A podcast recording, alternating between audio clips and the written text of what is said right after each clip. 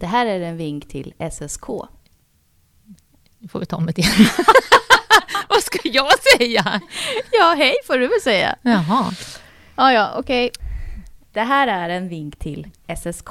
Hej, och det här är era studievägledare som talar. Ja, Anna-Lena. Ja, hej Ida. Hej. Det, skillnaden mellan dig och mig, det är ju att studenterna träffar dig, Ja, men de tittar på mina produktioner. så är det. Jag jobbar ju som medieproducent här på BMC Mm. Och gör ju filmer för, eh, eller hjälper lärare att göra film egentligen i sin undervisning. Mm, Det är min roll. Ja, precis. Och jag är studievägledare och träffar alla studenter när de börjar programmet. Och sen träffar jag vissa studenter som behöver extra hjälp eller stöd, vägledning, ehm, på olika sätt. Mm. Men nu ska ju du och jag göra en podd. Ja, men varför ska vi göra en podd? Ja, varför ska vi göra en podd? Du har ju sagt till mig att det är många studenter som kommer och har mycket frågor. Ja, det är många som hör av sig inför terminen. Ehm, Man kan komma direkt från gymnasiet, kan, det kanske var länge sedan man studerade och så ska man börja på ett program. Och i Uppsala har man aldrig varit och man har jättemycket frågor. Och man har läst lite grann om kurserna och har sett hemska saker. Jättelånga litteraturlistor Ja, och annat. just det. Men inte bara du och jag som pratar, Nej. utan vi kommer ju bjuda in gäster. Mm. Och det kommer vara studenter och det kommer vara några lärare Mm. som vi får träffa och prata med. Mm. Och idag så kommer vi prata om hur är man smart vid terminstart? Olika tips och tricks. Vi kommer prata om insparken, CSN, eh, allt det här som man står inför. Men först, Grattis till antagningen! Ja. Tjoho! grattis och varmt välkomna!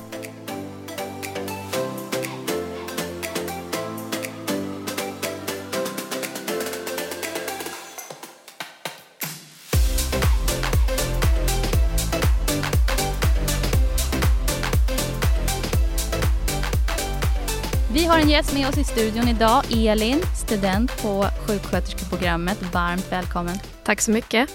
Kul att du vill komma till oss idag. Ja men jätteroligt, verkligen att vara med. Mm. Vilken termin går du? Eh, Jag ska börja termin två nu till hösten. Så jag har Mm. gått hela termin ett. Mm. Vad gjorde du innan du kom in på utbildningen? Innan jag kom in på den här utbildningen så gick jag faktiskt ett annat program. Eh, Jag gick biomedicinska analytikerprogrammet innan. Jaha. Jajamän, så jag ändrade mig lite grann Okej. efter halva programmet. Ah. Mm, så jag gick tre terminer på det. Varför sökte du till sjuksköterskeprogrammet? Jo men vi hade en kurs eh, som hette klinisk fysiologi. Eh, och jag har verkligen ställt mig emot allt som har varit med alltså, sjuksköterska överhuvudtaget. För jag har varit så mycket på sjukhus som liten när jag har varit sjuk och sådär. Så jag kände att det var absolut ingenting för mig. Så jag ville ju hålla på med prover och sånt där istället. För jag har alltid varit intresserad av labb. Men eh, så hade vi den här kursen och det var mycket inriktningar på lungsjukdomar och hjärtsjukdomar och sånt där. Och då fick vi vara ute också liksom, i praktiken och prova på. Och då hade vi också liksom, patienter att ta hand om. Och då tyckte jag att det var så kul att ha liksom, den här patientkontakten och vara med människor istället.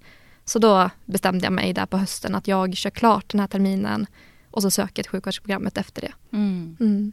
Vad kul. Ja men jätteroligt. Men du är inte från Uppsala? Nej, jag är från Gävle egentligen. Eh, Men eh, jag flyttade då 2017 hit Mm. och bestämde mig just för Uppsala på grund av att jag hade hört så mycket bra om det. Och att eh, vi var faktiskt här på en studiebesök vid skolan på gymnasiet. Ah. Och då var vi här på BMC. Vad tyckte Eh, du om BMC då när du kom in här? Jo men jag tyckte att det var fantastiskt. Det var jättehäftigt med alla labbsalar Ah. och det var fina korridorer och det var mycket folk i rörelse, vilket jag också vill ha. Mm. Eh, Så då tyckte jag att det var jätte, jättefint. Mm. Vi var även på den andra sidan också Mm. och kollade och då tyckte jag det var coolt. Men jag tror att det är ganska få som skulle säga att BMC är fint. Ja, det är ju en av de mindre fina om man jämför med Nej, men alltså andra. just den här um, storheten eller de här långa korridorerna, liksom sex Mm. kilometer korridorer, är det mm, nästan 100 000 kvadratmeter stort. Det känns så här uh, orimligt att hitta här, är det många som Ja, säger. gud ja. Det är orimligt att hitta här. man hittar typ aldrig i början överhuvudtaget. Men det här med BMC, Ida, hade inte du någon bra idé om någon karta man skulle kunna hitta? Just det. Har du hört talas om Maze Map? Nej, det har jag inte. Vad är det för någonting? Jo, Maze Map är en karttjänst som gör det enkelt att via dator eller surfplatta eller smart mobil hitta från punkt A till punkt B. Vi sitter nu i A8003 och jag vill till D8000 A eller någonting. Eh, så får man då med vägbeskrivningen, precis som Okej. en Google. Google-kartan liksom. Ja men gud vad häftigt. Om du går in på www.uu.se map så kommer du komma till hemsidan och där kan du då skriva i vad du vill hitta eller om du vill ha en vägbeskrivning mellan två campus. Det är ju verkligen behövligt i början när man känner att man inte hittar till eh, C-korridorerna eller liknande. Exakt. Coolt. Ja. Men inför terminen, hur upplevde du det?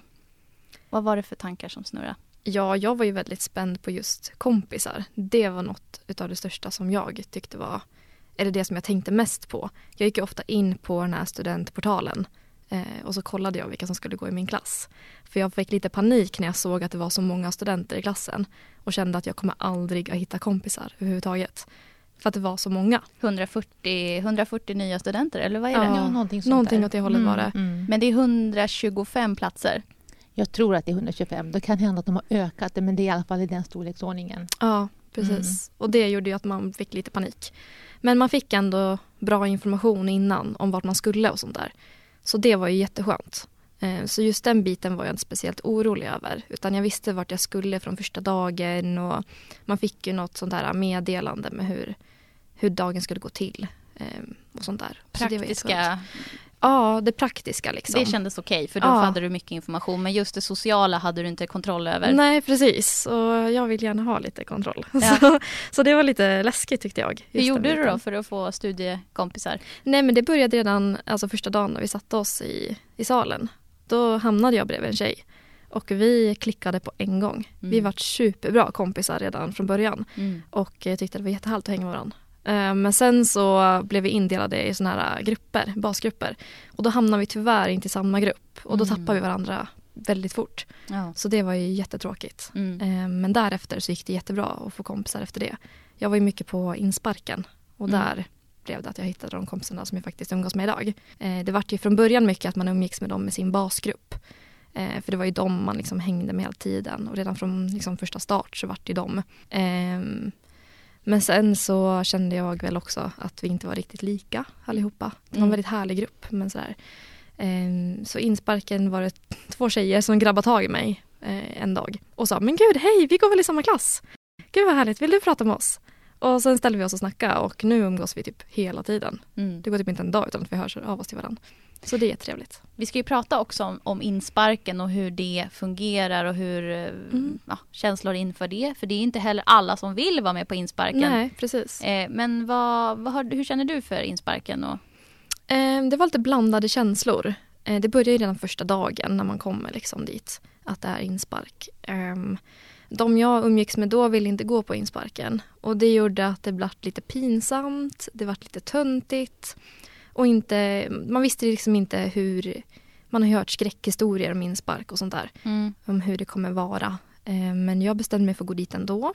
Mm. Och jag ångrar ju verkligen inte att jag, att jag gick dit. Men har, har insparken fått liksom fel stämpel? Jag vet faktiskt inte. Eh, det är någonting som jag har varit med om i alla fall. Ja. Att det har fått en sån här dålig klang kring just insparker. Mm. Eh, den här insparken är absolut ingenting som ska ha en dålig klang. För det var verkligen så roligt och det sker på ens egna villkor.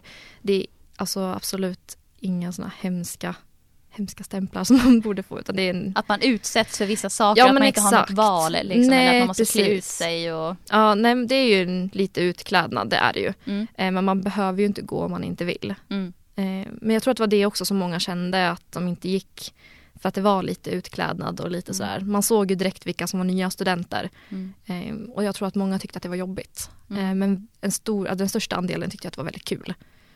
Så Mm. det var verkligen, Men det är, ju, det är ju ett, ehm, vad ska man säga, som du säger det här att man inte har kontroll över Ja. någonting som är socialt, att man kastas ut och man ska tvingas umgås med människor och liksom man, är, man ska bli nollad. ja men exakt, det var ju lite där man ska bli nollad. Man är ju nolla liksom. Man är nollad, man vet ingenting och Nej. nu kommer någon annan som är studenter över dig som liksom berättar om hur det är och utsätter Ja. dig för olika saker. Men så var, berätta lite om liksom, vad gjorde ni för aktiviteter på nollningen? då? Ja, så jag vet inte riktigt vad jag ska säga Ah, för att liksom avslöja allt. Jag är ju även fadder i år. eh, Så jag vill ju inte säga för Nej. mycket. av Men vad ska du hända. säga nu? Nu är det de nya studenterna sitter och lyssnar. Vad vill Ja. du säga till dem? Alltså det jag kan säga till dem det är verkligen att eh, det kommer att bli riktigt kul. Det är två veckor som det handlar om och det är olika aktiviteter varje dag. Man känner själv vad det är man vill gå på. Eh, det är absolut inget tvång till någonting överhuvudtaget. Det är väldigt roliga aktiviteter. Det blir mycket dans, det blir sånger, det blir alltså, roliga utmaningar. Liksom mer, tänk en femkamp ungefär. Skulle jag väl säga att det kanske mer liknar då. Eh, det är lite tävlingar, det är lite priser. Nej men det är lite roliga grejer. Det avslutas oftast med en stor fest i slutet. Vilket är superkul att gå på. Och folk, är folk snälla? Folk är väldigt snälla. Man är ju liksom som indelad i grupper och den gruppen har ju liksom ansvar över dig under insparken. Så man blir aldrig liksom utlämnad eller ensam. Utan det finns alltid någon som finns där som är liksom en hjälpande hand. Och det tycker jag är jättebra.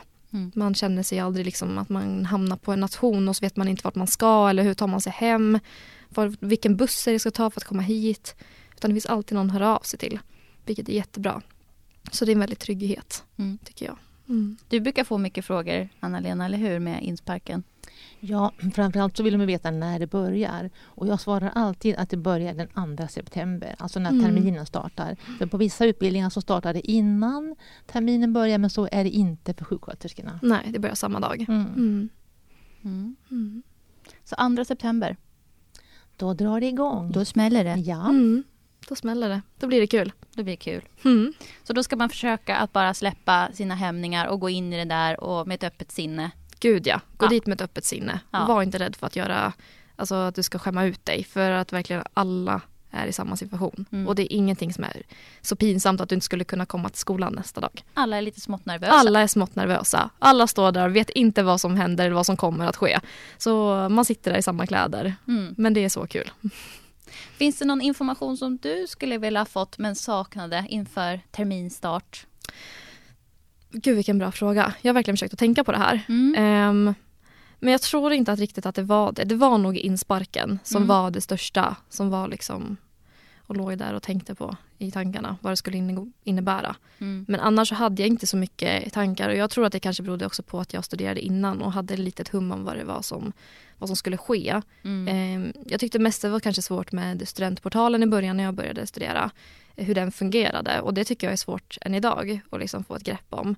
Eh, när jag tänkte efter så har jag också tänkt på att det var svårt med själva studiehandledningen den är ju jätteviktig alltså informationsblad att ha med sig under liksom hela sin termin, den första terminen man går. Vad är det? Det, det är liksom en, eh, ett häfte man får med information om allt som kommer hända.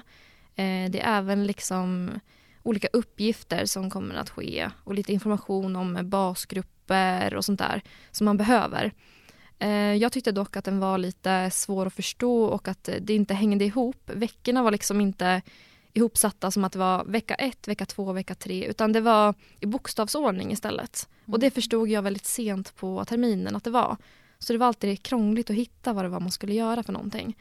Så, um, När fick man det bladet eller häftet? Det fick man redan första dagen.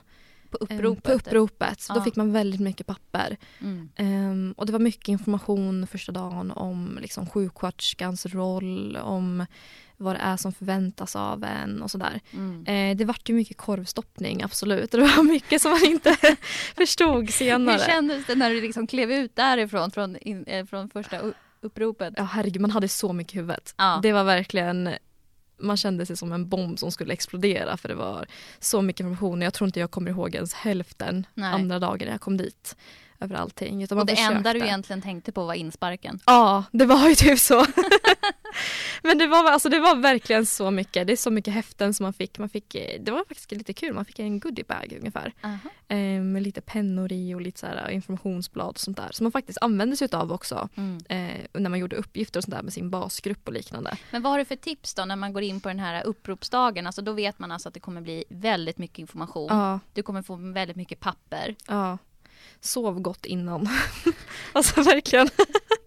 När man är som mest nervös. Ja, ja. Men, men alltså verkligen dagen innan så ska man bara ta det lugnt. Mm. För man är nervös och se till att ha allting ordnat innan du kommer dit. Så att det inte blir den här eh, morgonen när man inte hittar till skolan. För det var jag med om, att jag inte hittade mm. min första gång. Jag tog cykeln och så hamnade jag eh, någonstans, jag trodde att jag var på väg till BMC Och så inser jag att jag blir försenad så jag stannade cykeln, jag ringde min mamma och sa att det här går inte, jag hittar inte skolan. Så jag åkte hem igen. Mm. Men istället för att åka hem så hamnade jag på BMC.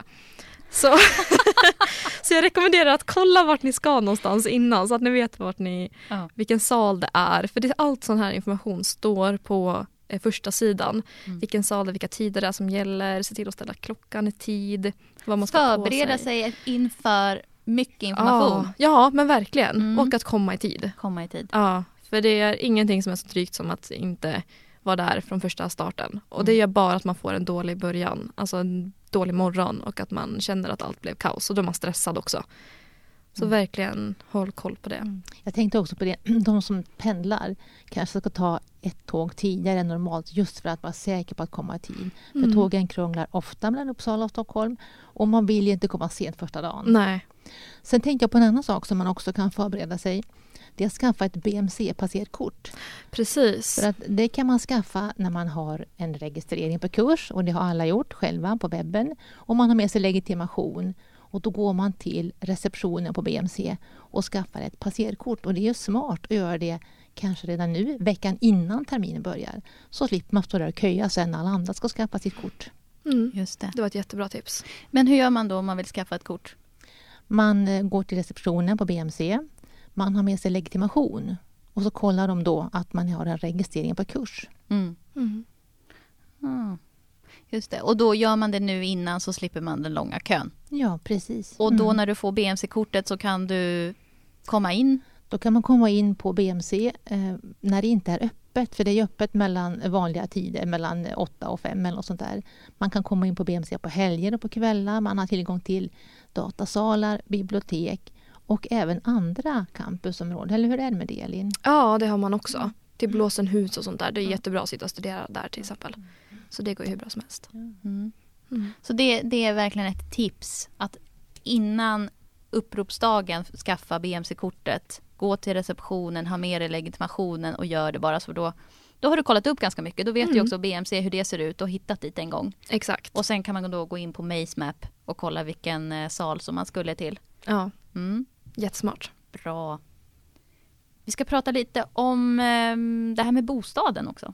Precis. Du är inte från, eh, du flyttade då från Gävle ner eller har du pendlat eller hur? Nej, jag flyttade från Gävle. Jag var i väldigt god tid med att hitta en studentlägenhet. Jag tänkte redan att eh, jag börjar innan jag fick reda på att jag hade kommit in. Jag var ganska säker på att det skulle hända. Så det jag gjorde var att jag eh, började, jag ställde upp mig på Uppsala studentbostäder, Uppsala bostadsförmedling väldigt, väldigt tidigt, redan 2016. Men ofta så är det ju att inte poängen räcker. Eh, för det är så många som söker.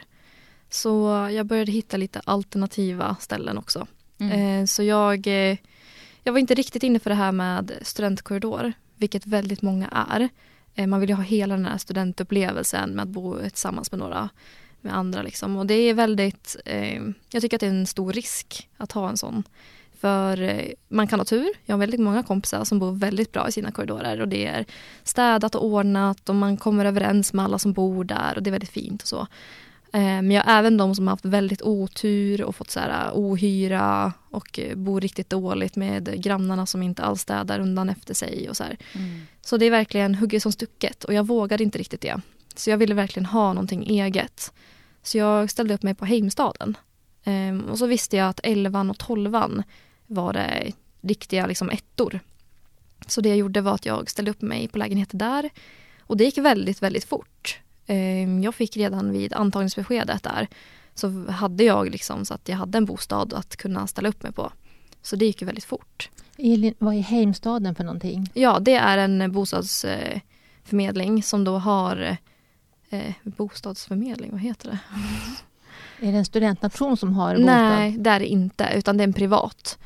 Ehm, och då har de studentlägenheter, så de har dem i Flogsta. Och där är höghusen där som de har. Ehm, så då är det ettan till tolvan som de håller på att renovera nu också. Ehm, men elvan och tolvan är ju lägenheter, så de renoverar de inte. Okej, är det, är det där man hör det här äh, Flogstaskriket? Ja, precis. Det är Flogstavrålet man hör där. Mm. Och det hörde man varje kväll klockan tio. Ehm, Ja. Men det, det gick jättebra att bo där. Mm. Eh, då fick jag en etta och så hade jag ett eget eh, badrum med en egen, liksom, en egen dusch och sen hade jag köket satt ihop med liksom, rummet. Så det var ju liksom 19 kvadrat och det funkar jättebra. Fick plats med en säng och en tv och skrivbord. Undrar om det inte var där jag bodde också min första, första månader här i Uppsala. Okej, ja. Jag är ju inte student men när jag flyttade ner så var det det som jag fick liksom så här i Mm. Uppsägningskontrakt eller någonting så fick Okej, jag bo där ja. de sista två månaderna. Och då var jag med om det här äh, Flogstavrålet. eller skriket, Ja. ja. vrålet. Vrålet. Alltså det, jag var helt panikslagen. Jag Ja. trodde typ att de skulle, jag hade, min, jag hade hyrt en bil. Så, här, Mm. så flyttat ner allting från Umeå och så, så hade jag en bil nere på parkeringen. Och så, var, så hörde jag så här, panikvrålet liksom. Jag tänkte nej nu kommer de krossa bilen, det är några huliganer som går runt och liksom bara mashar allting. Men sen fick jag reda på att det är helt normalt här. Mm. Det är studenterna som tar ut sin ilska på studierna. och jag tycker det är så kul. Helt normalt. ja, men eh, det var fint. Jag bodde ganska högt upp, jag hade bra utsikt där. Ja, det gjorde jag också. Jag bodde på sjätte våningen Mm. så jag såg väldigt bra ut. Ehm, så det är verkligen en tips, ställa upp er där. Mm. Om ni verkligen, för det har, de har ju korridorer också. Mm. Så är man intresserad av korridorer så funkar det jättebra. Och många av dem är väldigt fräscha. Mm. Jag har kompisar som bor i dem och det funkar hur bra som helst. Mm. Ehm, så det rekommenderar jag starkt. Mm. Just dem. Det finns ju en samlingssida där man kan söka bostad och det heter ju studentboet.se. Ah. Och där finns det både privata hyresvärdar och det finns då typ Heimstaden och kommunalt eller vad det kan heta. Ja, Så där kan det. man gå in och leta eh, efter bostad. Och ehm, en sak som man kanske också kan ordna är att man hyr en större lägenhet, typ en trea, och så är man två studenter som delar på det. Precis. För att de små bostäderna försvinner snabbt Ja, och de de. större är förstås dyrare, men delar man på två så funkar det också. Mm. Mm, det funkar jättebra. Mm. Jag delar ju nu med min kille i en trea i Flogsta. Och det funkar hur bra som helst. Mm. Liksom, för det är, även fast det är dyrare så funkar det bra. Eh, och vi har många kompisar som delar också där nere i Flogsta. Så det är ju superbra. Ja. Det är många som bor i Flogsta, många i klassen. Man träffar oftast klasskompisar där. Mm. Så det är jättetrevligt att ha sina kompisar nära. Bra. ICA Väldigt bra ICA. mm. Bra ICA-affär. och bra cykelvägar. Bra cykelvägar, det går jättefort att cykla till BMC. Hur lång tid tar det? Det, för mig tar det 12 minuter ungefär. Ah. Så det går väldigt fort och så möts vi upp några kompisar och cyklar ihop.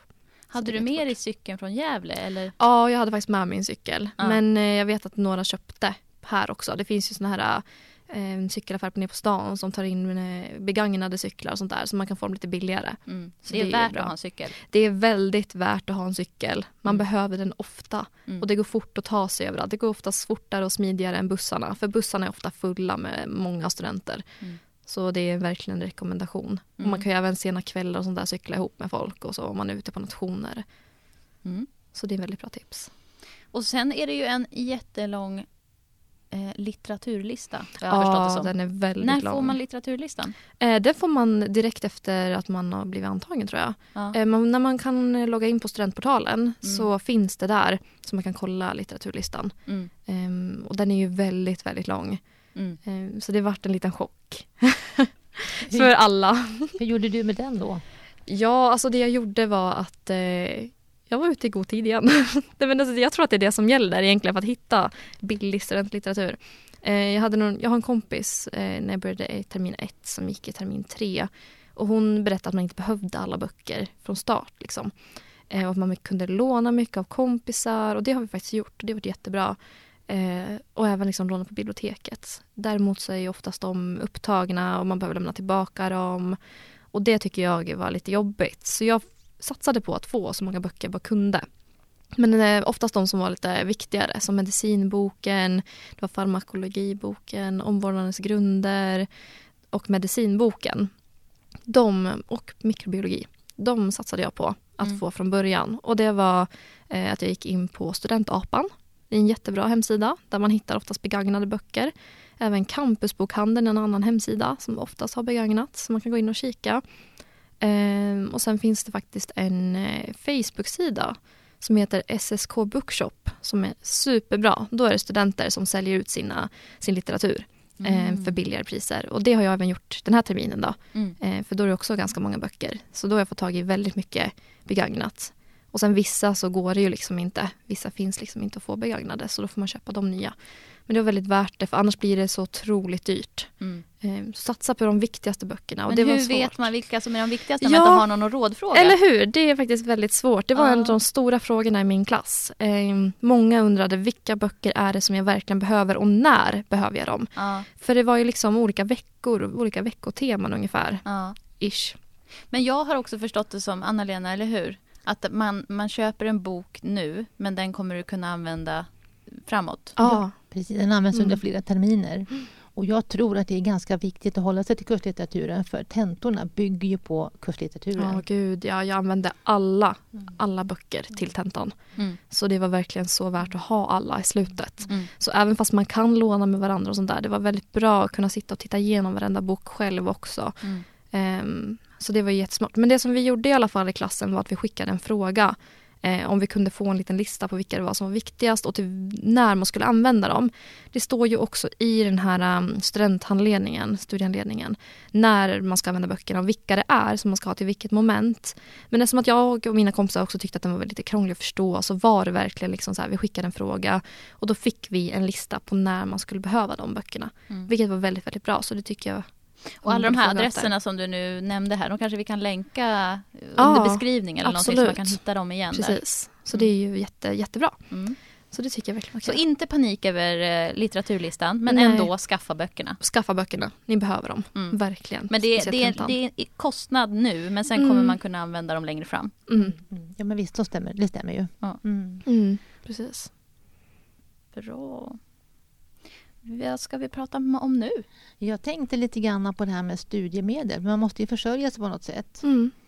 Hur gjorde du? Sökte du för en eller två terminer i taget? Jag sökte för två terminer i taget. Jag tycker det är smartast. För skulle det vara så att man mot all förmodan inte klarar tentan och inte får de poängen som man behöver för att få studiemedel så har man ändå den andra terminen också på sig. Det blir jobbigt om man bara söker för en termin och inte klarar tentan. Eh, Då finns det ingen garanti att man får det nästa termin. Nej, just det. För CSN gör ju en kontroll inför nästa gång man söker. Exakt. Och har man då bara sökt en termin, ja då gör de en kontroll efter en termin. Mm. Och om man söker för två terminer så kan man ju inte veta om man ska studera två terminer. Men då bara ändrar man, man bara kontaktar CSN och säger nu ska jag inte studera längre eller vad man nu gör. Mm. Så det går att ändra bakåt i tiden helt Ja, det enkelt. gör Mm. Och det går Så det är viktigt att man söker två terminer på en gång. Mm. Oavsett vad som kommer hända efter jul. Mm, precis. Och det har att göra med just det, om du inte klarar dig. Mm. Men det är inte så himla kul att tänka på det. Nej. Jag har ju inte ens börjat än. Jag är nervös för insparken och nu ska vi tänka på pengar och jag kommer inte klara några tentor. Och, ah! Det skapar ju bara ännu mer ångest inför Ja, att... gud ja. Men det är lika bra att göra. Ja, Jag tror att det minskar ångest om man söker studiemedel på två terminer. verkligen. Då har man ingen ångest inför termin två. Nej. Då har man sin försörjning klar där nämligen på en gång. Mm. Perfekt. Det enda man måste, måste tänka på är att man måste gå in och skicka in sin studieförsäkran efter, till varje termin på CSNs hemsida. Det är Mhm. jätteviktigt. Okej. När gör man det? Hur gör man då? Eh, det brukar vara till varje terminstart. Då går man bara in på CSN och så finns det en liten länk man klickar på så godkänner man bara att man fortfarande studerar. typ. Så man skickar liksom en försäkran av att du studerar. Så nu till den här terminen är det sen, tidigast den 25 som man kan börja. Okej. Eh, om jag har rätt datum. Mm. Mm. Just det. Ja. Bra. Bra Mm. tips. Jättebra tips, Mm. verkligen. Mm. Mm. Så sök två terminer, punkt. Mm. Ja, verkligen. Mm. Sen finns det också lite annat stöd man kan få.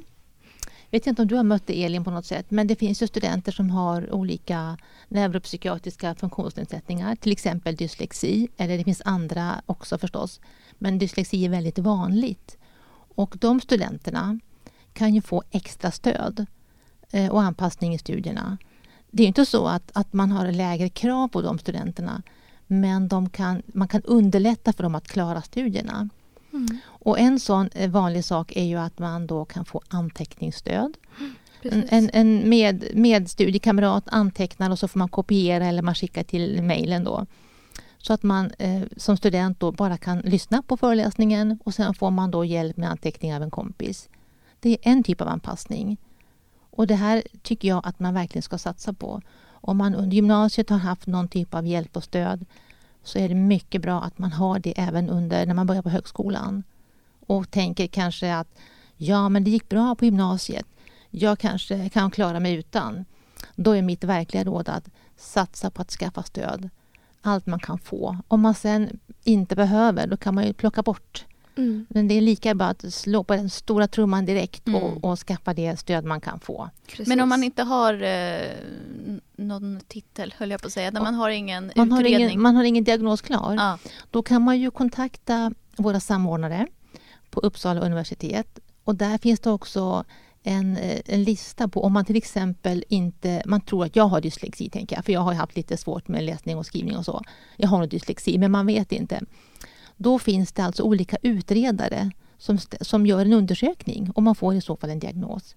Om man går in på vår hemsida, uu.se och sen söker man på samordnare i sökrutan. Man googlar inte, man går in på hemsidan för Uppsala universitet, söker på samordnare och där får man kontakt med de som eh, hjälper till med att skaffa specifika intyg. Så varje person som har ett sådant intyg har det är som en biljett för att enklare kunna få hjälp med anpassningen. Mm.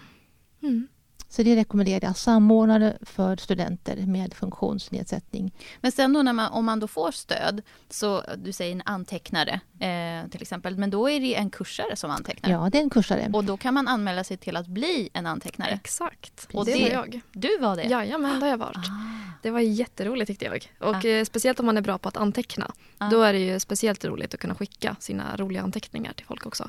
Så jag tyckte att det var väldigt givande och Ja. väldigt kul att få hjälpa en annan student. Och till slut så hjälpte jag två studenter. Mm. Så det var, det var riktigt kul Ja. att se. Liksom. Men hur gjorde du för att anmäla dig till att bli... Eh, Jag hörde av mig till studievägledaren Ja. och så blev jag det genom, genom det. Då. Ja. Och då fick jag en tjej som jag antecknade åt. Mm. Ehm, Så då visste jag att eh, efter de... Det var ju inte alla gånger som man kanske var på lektionen eller man kanske blev sjuk eller så. Så man skickade de gångerna som man hade anteckningar. Men det är betalt? Ja, det är betalt. Mm. Ehm, Så man fick gå in och registrera allting och sådär. Mm. Ehm, Men man får information om det också när man väl börjar. Ehm, Men det var väldigt roligt att vara antecknare eller anteckningsstöd.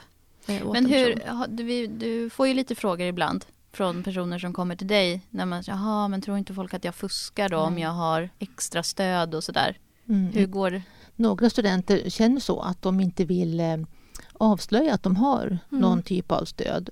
Eh, de tänker att de ska särbehandlas men så är det inte. Det är Nej. samma krav på de studenterna. Det är bara det att de får lite hjälp Mm. helt enkelt att, att eh, ta till sig utbildningen.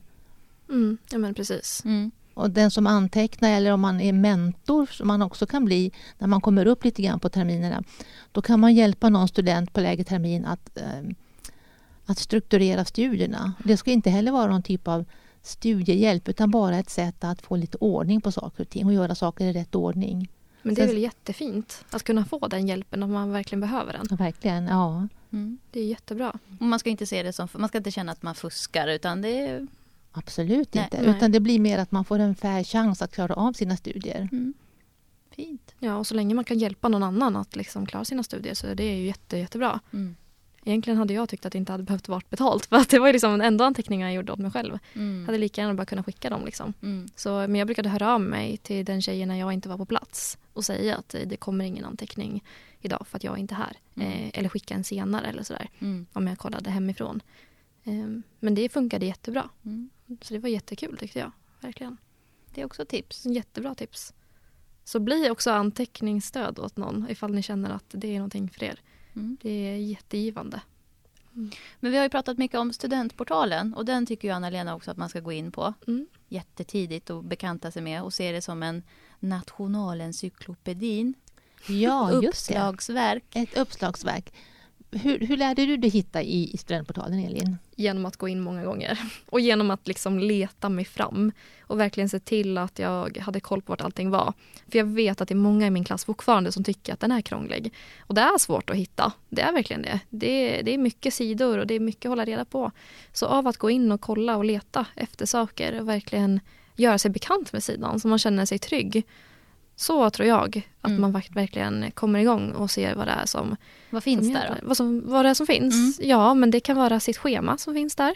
Det finns även eh, föreläsningar eh, att kolla på. Eh, det finns olika test man kan göra. Det finns lite allt möjligt. Eh, kontakt till studieledare, till eh, klasskamrater.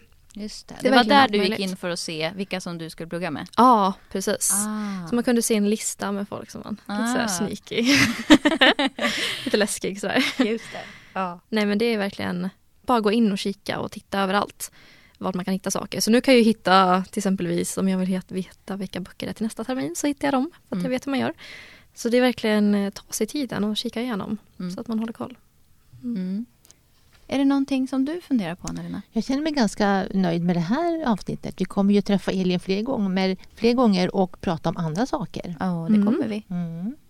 Har du några avslutande ord Elin? Det kommer bli superroligt, verkligen, att börja på någonting nytt. Det är ju spännande och väldigt härligt liksom, att få nya kompisar i en ny stad kanske, ifall man flyttar hit som jag gjorde. Mm. Eh, det är väldigt kul att få en liten nystart, kände jag. Mm. Så det kommer bli ett jätterolig, eller en jätterolig termin. En rolig termin. En rolig termin som är krävande men ändå riktigt kul.